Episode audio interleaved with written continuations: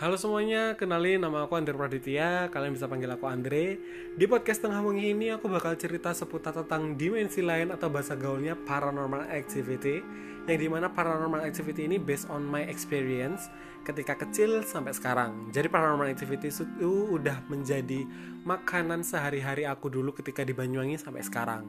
Jadi kalau kalian kepo cerita apa aja sih yang bakal aku ceritain di podcast Tengah Wengi ini, so stay tune di podcast Tengah Wengi. Terima kasih.